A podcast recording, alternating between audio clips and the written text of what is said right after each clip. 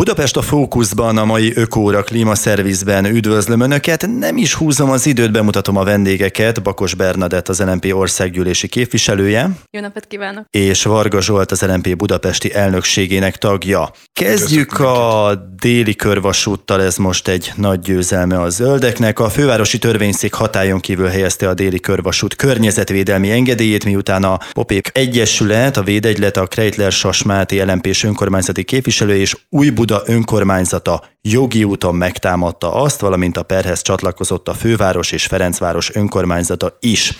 A bíróság 2022. februárban már egyszer elkasszálta egyébként a beruházás engedélyét, a testület most viszont kimondta, hogy az új környezetvédelmi engedély nem felel meg a jogszabályoknak a zai és egészségügyi hatások tekintetében. Ugye ezer fa kivágásáról, illetve új Buda szívén keresztül vezetve egy teherforgalomról volt szó, ami hát a helyieknek, a civileknek és pártoknak, illetve az említett szereplőknek nem igazán tetszett. Mit gondoltok erről a sikerről? Lefutott ez? Tehát ez lesz a végeredmény, vagy pedig még lehet számítani arra, hogy Vitézi Dávidék akcióba lendülnek?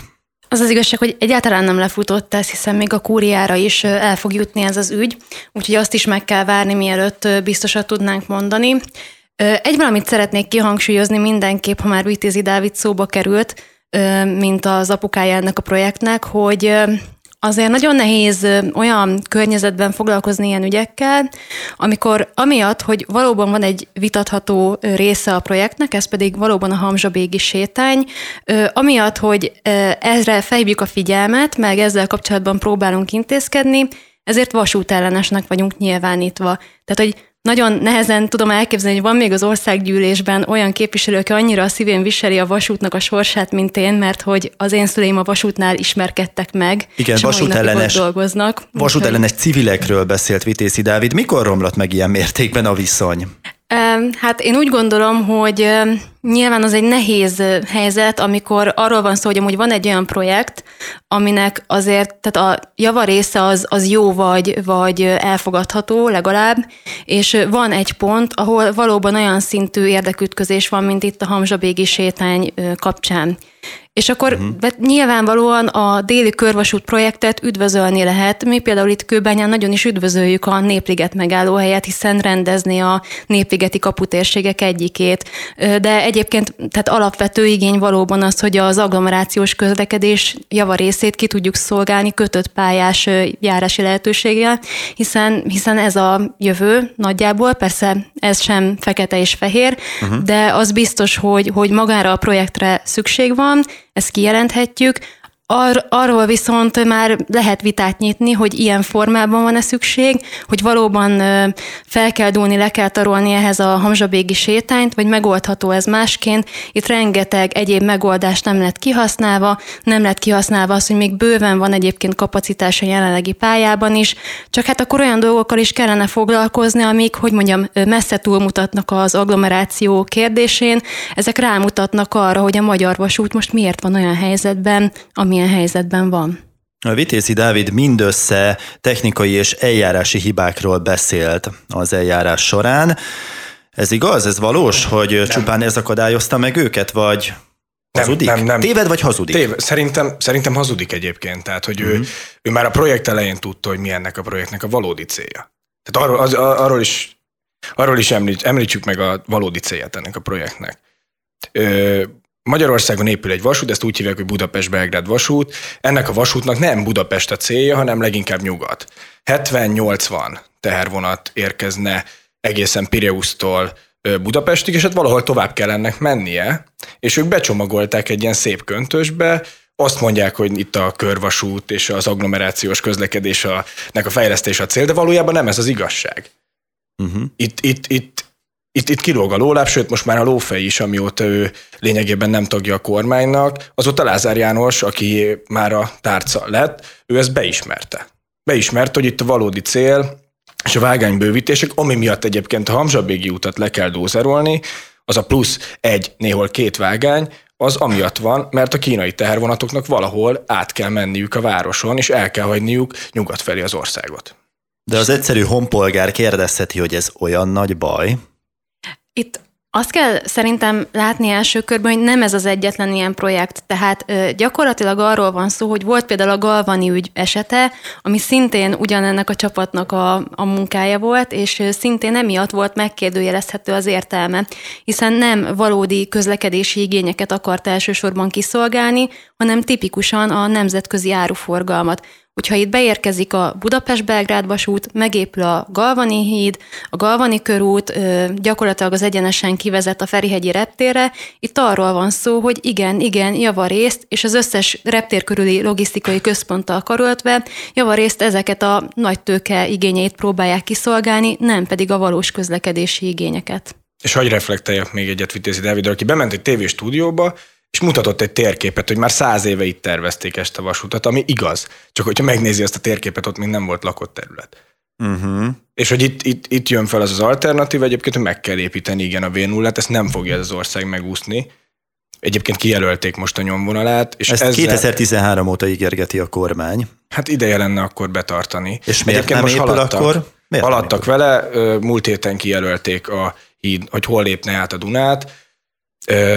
Viszont, hogyha ez megépül, és ők újra ezt állítják, sőt, lépéseket tettek ennek érdekében, akkor teljesen fölösleges lesz Budapestig egyébként elhozni akár Budapest-Belgrád vasutat, ahol, ahol azért magával a vonallal is van probléma. Én tegnap jártam Soroksáron, ahol helyi lakók kerestek meg, hogy kisajátítják az ingatlanjukat, brutális zajszennyezéssel jár már most az építkezés, és egyébként dermesztő, amit ott tapasztaltunk, ezzel is foglalkozni fogunk mi, mi lmp meg fogjuk mutatni, hogy a kínai érdekek kiszolgálása mindenek felett áll a kormánynak, és egyébként ott még azt se próbálják eljátszani, ez egy zöld projekt, mert jelenleg a vasútvonalnak nincsen pótlása, tehát a személyszállításnak nincsen pótlása jelenleg azon a szakaszon. Előfordulhat, hogy ezeket a lakókat valamilyen módon kompenzálni fogják, mert ha az ember kívülről ránéz erre az országra, látja ezeket a beruházásokat, látja a kínai tőkét, akkor eddig meghátrálás nem történt, gondoljunk akár az akkumulátorgyárakra. Tehát a kínai beruházásoknak a támogatása az egy prioritás jelenleg a kormány számára. Hozzáfűznék akkor egy kérdést ez az eszmefuttatáshoz. Ti mit gondoltak, mit láttok, hova futhat ki ez a történet reálisan? Ha itt valós társadalmi ellenállás van, az meg fog látszódni, és ezért nagyon-nagyon fontos kiemelni azt, hogy valóban új Buda önkormányzata és a fővárosi önkormányzat is beállt ezek mögé a kezdeményezések mögé, és hát a bírósági ítélet is elég egyértelmű. Most, hogyha valaki nem tudja a jogszabályokat sem betartani, meg, meg nem tudja ezeket az alapvető feltételeket biztosítani, akkor azért annak komoly következményei lesznek, a mai napig is komoly következményei vannak. Még visszatérnék az előző példára, mert ott nagyon fontos felhívni arra a figyelmet, hogy az ilyen stratégiai, településszerkezeti és egyéb tervekkel kapcsolatban azért szükség van néha önreflexióra, mert hogy azt látjuk, hogy jelenleg nincsen egy hát egységes stratégia, gyakorlatilag a főváros, a kerületek és az állam egymástól függetlenül is fejlesztenek, és a legsúlyosabb ütközések akkor vannak, amikor a kormány próbál valamilyen gigaprojektet erőltetni, de a kormányon belül is vannak ellentmondásos dolgok, gondoljunk csak a nyugati esetére, ahol a vasúti alagutat gyakorlatilag elépítette volna egy szintén másik állami projekt, a Cirkusz központ, tehát hogy, hogy gyakorlatilag az van, hogy nincsen egy lefektetett stratégia, nincsen egy iránya ennek az egésznek, nincsen együttműködése a szereplők között, mert ha valaminek lett volna értelme, ez egy olyan testület, vagy egy cég, legyen bármilyen formája, de egy olyan e, létrehozása lett volna, ami ezeket a fejlesztéseket koordinálja, összehangolja, és belehelyezi egy olyan nagy képbe, hogy ez az a Budapest, amit mondjuk egy 50 éves időtávon el tudunk képzelni, vagy szeretnénk elérni, és vannak bizonyos prioritások, bizonyos célok, Ezekről nyilván lehetne társadalmi vitát tartani. Én személyesen azt gondolom, hogy jelenleg a legfontosabb mondjuk a forgalomcsillapítás lenne, mobilitási igények csökkentése, de hogy az biztos, hogy, hogy ezeket egészen egyszerűen stratégiai szinten akkor végre kellene hajtani, és nem 50 meg 100 évvel ezelőtt készült különböző terveket mutogatni, hogy de hát oda van rajzolva, hát érezzük ennek a súlyát. És hogy ott van eltévedve a kormány. Én beszélgettem Krejtleses Máté önkormányzati képviselőnkkel, hogy mi lett volna, ha ugye Vitézi Dávid uh-huh. ragaszkodik hozzá, hogy adják be harmadjára is egyébként ezt a, a környezetvédelmi engedélyt. Tehát nagyon kellemetlen már Vitézi Dávidnak ez a vergődése szerintem. Én tudok így fogalmazni, mert, mert tényleg semmi olyan reflexió nincsen benne, és nem érzi azt, hogy ezt hogy kellett volna csinálni, és ők állítják egyébként, hogy a civileknek voltak terveik, ők ezt bemutatták a kormánynak, hogy hogy lehetne alternatívát nyújtani, de meg se hallgatták őket. Meg se hallgatták őket, és most, most mi, a civilek vagyunk a hibások azért, hogy egy zöld projektet elkaszáltak. Nem gondolom, hogy ez így korrekt tőle. A városi parkerdőkre eveznék tovább. LMP oldalán olvastam, hogy az éghajlatváltozás negatív hatásainak mérséklésében fontos szerepe van az erdőknek, ezen belül is kiemelten fontosak a városi erdők. Ennek ellenére sajnos engedélyezett a gazdasági célú fakitermelés a városi parkerdőkben is. Hogyan lehet ezek ellen védekezni? Én egy 18. kerületi példát tudok erre mondani. Mi nagyon, én, én ott nőttem föl, jelenleg ott politizálok helybe. Nagyon sokat küzdöttünk a Péterhalmi erdőért, ez Budapest egyik legnagyobb összefüggő erdőterülete, és, és ez egy nagyon szürreális helyzet, hiszen maga a, az erdő az állami terület, hmm. és minden, ami körbeveszi az önkormányzati terület, és hogy amikor 2019-ben megtörtént a váltás, és nekünk voltak olyan ígéreteink, hogy akkor ezzel erre az erdőre mi vigyázni fogunk, és meg fogjuk állítani a, a fakitermeléseket, akkor, akkor, akkor egy nagyon nehéz harcot kellett fölvenni. A, egyébként a Pilisi Parkerdőben, mert Budapesten ő felel az erdőterületekért, ez egy állami, állami szerv. Uh-huh. és hogy jó példákat tudok mondani, mi megállapodásokat kötöttünk velük. Ö, megpróbálunk ugyanannyi fát ültetni az erdő környezetében, mint amennyi, amennyit ők kivágnak, és hogy eljutottak oda, Istennek legyen hála, hogy már nem vágnak ki, mert hogy nekik is kellemetlenné vált a helyzet. Mi bemutattuk a kerületieknek kiadványokkal online, hogy ezt hogy, hogy mit mi csinál végül is ott az állami erdőgazdaság, hogy, hogy egy parkerdőt a 24. században a legértékesebb területét egy városnak gazdasági célra használják, és azóta egyébként visszavettek. Uh-huh. Népligettel kapcsolatban vélemény, ugye Budapest legnagyobb területű, legnagyobb zöld felülettel rendelkező parkja, a megújítása rendbetétele miatt egy tájépítészeti ötletpályázatot írtak ki, ennek eredmény hirdetésén már túl vagyunk, érdekes módon ugye nem volt első helyezet, hanem több kvázi második helyezettet hirdettek ki, és különböző projektekből emeltek be ötleteket, hogy jobbá tegyék, szebbé tegyék a népligetet. Ugye ez egy nem túl jó hírű park. Milyen kép él most a budapestiek fejében a népligetről, illetve a tiétekben, mert nagyon mosolyogtok. Mi, mi az első benyomásatok a népligetről, illetve ti hogyan nőttetek fel, hogy mondjuk a felmenőitek miket mondtak erről a parkról? Azért mosolygok nagyon, mert ugye az egész népliget projektben gyakorlatilag teljes mértékben benne vagyok az elejétől uh-huh. kezdve, tehát a 19-es indulástól kezdve, ilyen-olyan módon civilként, önkormányzati képviselőként, fővárosi bizottsági tagként, országgyűlési képviselőként, tehát tényleg ezzel kelek, ezzel fekszem, és ez azért is van, mert nagyon-nagyon közel lakom a Népligethez, és én magam is heti többször akár kilátogatok, tehát az én fejemben egy elég jó kép él nyilvánvalóan a Népligetről. És azt kell, hogy mondjam, hogy valóban nem jó hírű park, és ez, ez egy indokolatlanul túlzó dolog. Az a probléma szerintem, hogy a legtöbb embernek, amikor a Népligetet hallja, akkor a metró aluljáró, a buszpályaudvar környéke, ezek a, hát még jelenleg is azért közbiztonsági szempontból problémásabb gócpontok úrvanak be.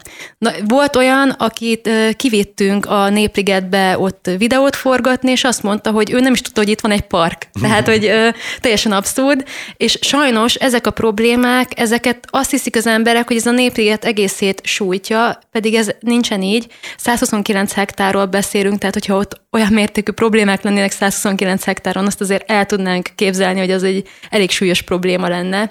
Ö, és ö, hát igazából azt kell, hogy mondjam, hogy ha a bűnügyi statisztikákat nézünk, akkor kifejezetten ö, kitűnik az, hogy egyáltalán nincsen több ö, ö, probléma a Népligetben, mint bármelyik másik nagy összefüggő zöld területeknél. De mégis félnek tőle. Igen, mégis félnek tőle, egészen egyszerűen a folklórban ez, ez megtapad, hogy az egy problémás hely, és hát aki keresztül, mondjuk átszáll például az egyes villamosról a metróra, és keresztül vág az aluljáron, az valóban nem biztos, hogy jó élményekkel távozik onnan. De ha tenne mondjuk egy sétát az Óligetben, vagy az Újligetben, vagy megnézni az országparkot, akkor egészen más lenne a helyzet.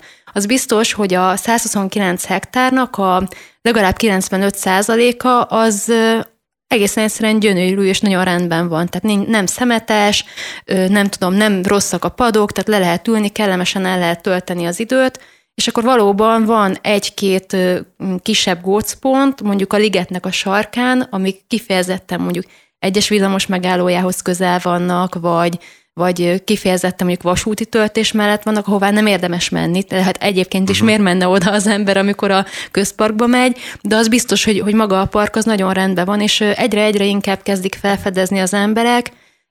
Ez részben a mostani ötletpályázat miatt, meg, meg tehát a, a, egészen egyszerűen a hírek miatt valószínűleg megtörténik, de hát a másik, amit ki kell emelni, az a civileknek a nagyon áldozatos munkája, hogy ide különböző rendezvényeket hoznak, madártani sétát, botanikai sétát, parktörténeti sétát, és a legújabb a csillagászati séta. És az ötletpályázatról pedig csak röviden ö, szólnék annyit, hogy ö, nem ezzel kezdődött a folyamat, majd elmesélem azt is, hogyha még van elég idő, mert rengeteget Tartunk majd egy szünetet, és folytatjuk. Igen. Legyen akkor az, hogy most tartunk egy szünetet, Jó. és akkor innen folytatjuk a Népligettel. Ismét itt vagyunk az Ökóra klímaszervizzel, és a Népligetnél hagytuk abba, és hát mivel is folytathatnánk Népligettel. Így van, tehát ö, ígértem az ötletpályázatról szólok pár szót. Ö, ez egy nagyon érdekes műfaj, mert ö, itt valójában arról van szó, hogy ez olyan, úgy képzeljük ki, mint az ilyen brainstorming, hogy begyűjtenek egy csomó ötletet, akár a legvadabb fantáziájukat is elengedhetik a tájépítészek, majd ezt követően, hát ezeknek a töredékesen valósulhat meg, nyilvánvalóan anyagi meg, meg csomó szempontból, de egy csomó olyan új szempont felmerült, vagy egy csomó olyan új ötlet, ami egyébként nem került volna be. És mi ennek az egésznek a kifutása? Ez az egész ugye egy, egy nagyon alapos kérdőívezéssel kezdődött budapesti szinten, ezt követte a stratégiai terv megalkotásait szintén társadalmi egyeztetéseken keresztül rengeteg körben online lehetett véleményezni, civilek által szervezett workshopokon lehetett véleményezni, bizottsági, tehát nagyon sok uh-huh. szakaszban lehetett véleményezni, és ebbe próbálnak most beilleszteni az ötletpályázatokból szimpatikus ötleteket, Ezután fog elkezdődni a valódi tervezés, tehát hogy konkrétan milyen időtávokon belül mi valósulhat meg, az biztosan látni kell, hogy óriási nagy változásokra itt nem kell számítani, Nyilván vannak prioritások, mi mondjuk, akik használjuk a parkot, az illemhelyek létrehozását, az útburkolatok szűkítését, javítását tartanánk fontosnak, és a zöld felület karbantartását, itt nem lesz olyan, mint a Liget projekt volt. Uh-huh. Mehetünk-e közlekedésre? Megyünk közlekedésre, bólogattak a vendégek. Karácsony Gergely főpolgármester a Facebookon jelentette be a budapesti lakógyűlés, vagyis a főváros működését érintő kérdésekben tartott online népszavazás elindítását. Ennek keretében a budapestiek a fővárosi túlélő csomagról és a láncít felújítása utáni forgalmi rendről szavazhatnak, ami a főpolgármester szerint hosszabb távon is meghatározza a városfejlesztés irányát. Van-e rálátásuk a közlekedőknek olyan gazdasági, közlekedés tudományi területekre, amelyeket mások sok évig tanulnak, és mondjuk nem puszta ösztönök alapján fognak válaszolni ezekre a kérdésekre. Mit gondoltok erről? Én alapvetően azt gondolom, hogy de persze ösztönök alapján fognak dönteni, ugye a lakosság felállít bizonyos prioritásokat ők mit szeretnének jobban látni, ö, autótengert, dugókat a Lánchídon, vagy azt szeretnék látni, hogy akadálytalanul suhannak át a buszok, illetve hogy végre van normális átkelési lehetőség kerékpárral a Duna egyik oldaláról a másikra. Ez nem probléma, hiszen ö, ilyen célokat kitűzni laikusként is ki lehet hosszú távon. A közlekedési szakma feladata, hogy hát nyilatkozzon arról, hogy ezek hogyan és mennyire megvalósíthatók, van-e ennek értelme. Hát ugye ezt előzetesen megtette a BKK, tehát gyakorlatilag az állampolgároknál, a budapesti embereknél pattog a labda, vannak forgatókönyvek, és nekik kell választani a szakemberek által előállított forgatókönyvekből, hogy akkor milyen célokat szeretnének a jövőben. Én még annyit hozzátennék, hogy mi azért még hozzáraknánk egy pár kérdést, mint Budapesti LMP, akár megemlíthetjük itt a dugódi kérdését, a sétáló rakpart kérdését, vagy egyéb olyan zöld kérdéseket, amik felvetődtek az elmúlt években, és, és akár érzelmi viszonyulása van az embereknek ezekhez uh-huh. a kérdésekhez. Hogyha már csinálunk egy ilyen felmérést, csinálunk egy ilyen kutatást, egy, egy lényegében egy budapesti konzultációt, akkor, akkor térjünk ki több, több területre, és csináljunk egy, egy élhető Budapestet. A láncít kapcsán is ugye szavazhatnak majd a közlekedők. A jelenlegi rendszerben ideiglenesen az útpálya megnyitása után a közösségi közlekedés járművei, a kerékpárosok, taxisok, motorosok, valamint a megkülönböztető jelzést használó járművek használhatják a hidat, vagyis gyakorlatilag úgy működik, mint egy buszsáv. Ezen kellene változtatni, vagy nem? Mit gondoltok? Szerintünk ez jól van így, mert hogy ez vezet egy, egy, egy jobb és élhető Budapesthez. Azt gondolom, hogy a Lánchíd most már egy jó ideje nem átjárható, és megoldotta a forgalom. Találtak maguknak új utat az autósok, nincsen több dugó azon a területen, sőt, talán kevesebb autó, uh-huh. úgyhogy szerintünk ez egy jó irány. Ugye a kormány reakciója az volt erre, a fővárosi Fidesz azt a kérdést tette fel a Facebook oldalán, hogy Karácsony Gergelyben mégis hol volt ez a nagy egyeztetési kedv a rakpart önkényes lezárása, vagy a bicikliutak szakmai egyeztetés nélküli felfestésekor. Hol volt? Egészen érdekes kifordítása a kérdésnek. Ugye minden esetben arról van szó, hogy van egy adott helyzet, van egy olyan helyzet, amikor azt látjuk, hogy nagyon sok közlekedő ki van szorulva közterületekről, vagy egyéb funkciók vannak kiszorulva értékes közterületekről, gondolok itt például a rakpartra, ami az egyik legfontosabb, legjobb területe uh-huh. Budapestnek, és autópályának használjuk. Tehát ez nyilvánvalóan érezhető volt, hogy ez így nem fenntartható.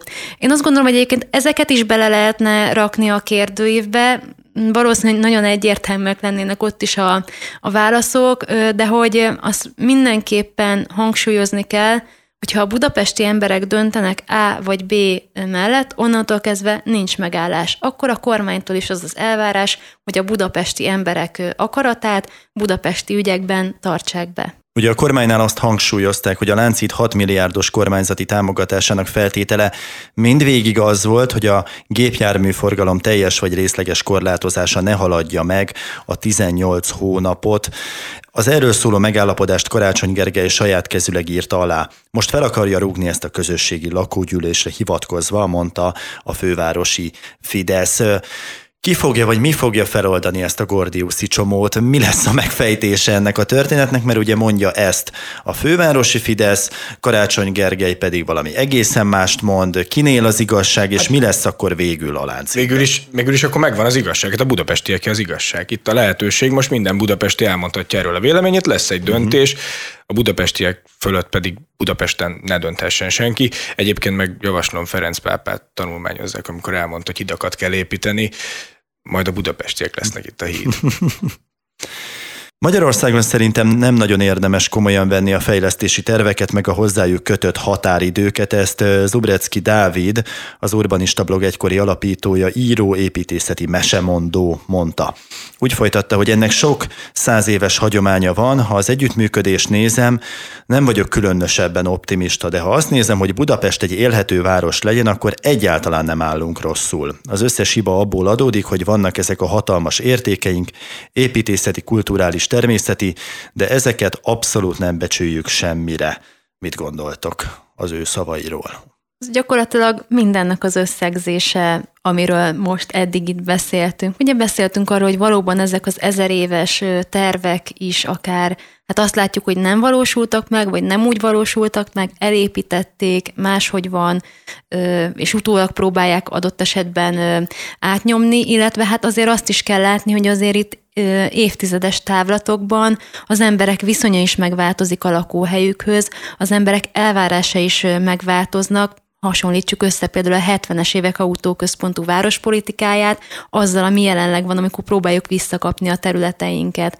Úgyhogy emiatt, tehát valóban igaza van az írónak, illetve még arra is felhívnám a figyelmet, hogy beszéltünk ugye Népligetről, Hamzsabégi sétányról, amiknek az esetei szintén azt bizonyítják, hogy igaza van abban, hogy ezeket a, a lehetőségeket, vagy ezeket az adottságait egészen egyszerűen elpazaroljuk a városnak, hogy elpazaroljuk akkor is, hogyha a legértékesebb természeti és építészeti területünket autópályának használjuk, ilyen például a rakpart. Ha azt nézem, hogy Budapest egy élhető város legyen, akkor egyáltalán nem állunk rosszul, ismét idéztem Zobrecki Dávidot. Ebben igaza van? Mennyire élhető város Budapest, és ez az élhetőség, ez minek a feltétele? Ez tényleg pénzkérdés, vagy valami más kell hozzá? Új fejlesztések, zöldítés? Mi fogja még élhetőbbé tenni Budapestet? Szerintem inkább egy átgondolt zöld koncepció. Tehát látjuk azt, hogy azok az ügyek, amikről most beszéltünk, meg az elmúlt időszakban, általában zöld területeket érintő fejlesztések, gigaberuházások, egyebek, felértékelődtek ezek a rekreációs területek. Ezen van a hangsúly, hogy amikor én hazamegyek a munkából, akkor legyen hova kimennem, kivinnem a gyerekemet sétálni, a kutyámat, elmenni biciklizni. Tehát ez, ez, ezek értékelődtek fel, és azt látjuk, hogy nyugaton, említetted, Szevillába, az egy tökéletes példa szerintem egy élhető városra, ott, ott ez a hangsúly, ezen van a hangsúly. Biztos, hogy erre vágynak a magyar emberek? Igen. Mert én azt gondolom, hogy igen. Az ibériai félszigeten, a spanyolok, portugálok, azt gondolom, hogy ők egy más életritmusban élnek, és a magyar emberről pedig van egy ilyen általános vélemény, hogy morózus, ha végzett a munkával, akkor szeret begubózni a televízió elé, például televízió nézésben, ugye az egyik legerősebbek vagyunk idézőjelben a legerősebb Európában, tehát ilyen négy-öt órát átlagban fogyasztjuk ezeket a különböző kereskedelmi szuperműsorokat. Biztos, hogy kell a magyar embernek, hogy, hogy kivonuljon, és ez nyilván egy álnaív kérdés, de mégis ez, ez az általános vélemény, vagy legalábbis én ezzel találkozom. Biztos, hogy kell, és akkor emlékeztetnék mindenkit arra, hogy az atomizált társadalmunk az nem véletlenül lett ennyire atomizált, és ebben jelentős része van annak is, hogy a lakhelyüktől elidegenedtek az emberek, mert hogy beszéltünk arról, hogy vajon mit jelenthet ez az élhetőség, hát ez alapvetően azt jelenti a leginkább, hogy jól érezzük magunkat ott, ahol vagyunk. Uh-huh. Nyilvánvalóan egy, hát a Rákóczi út mellett például most nem annyira érzi jól magát az ember, attól a helytől elidegenedik, hogyha ott lakik, akkor elkezdi úgy kezelni, hogy a négy falon túl az már nem az ő otthona. És emiatt nyilvánvalóan teljesen más lesz a viszonyulása a területekhez is, a közterülethez is, de a többi emberhez is.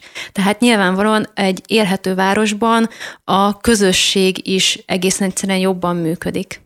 Túlépítés. Budapesten a Fehérvári Barázda Szerémi Galvani út közötti 8 hektáros területet rozsdaövezeti akcióterületté minősíteni át a kormány egy nemrég született kormányrendelet módosítás értelmében, annak ellenére, hogy, hogy változtatási tilalmat rendelt el az új budai önkormányzat erre a telekre decemberben. Most nem akarok én konkrétan belemenni ebbe az ügybe. Nem is ez az érdekes, hanem inkább a túlépítésnek a problematikája, hogy egyrészt a kormány vagy éppen a városháza pénzt szeretne bizonyos területekből nyerni.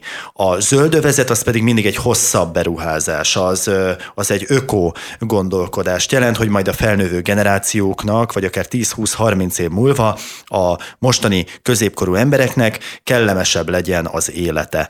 Több oxigént szívhassanak, és ahogy arról beszéltetek, le tudjanak menni mondjuk egy parkba sétálni egyet. Hogyan lehet ezt a folyamatot, ezt a vadkapitalista gondolkodást visszafordítani, hogy ne az azonnali haszonszerzés, pénzszerzés határozza meg a politikát, hanem, hanem az emberek egyfajta nyomást tudjanak gyakorolni a kormányokra, hogy ezt tegyük félre, toljuk félre, és fontosabb legyen számunkra az, hogy zöld övezetek jöjjenek létre ezekben a régiókban. Nyilvánvalóan itt a zöld politika egyik alapelvére hívnám fel a figyelmet, hogy a profit nem előzheti az embert.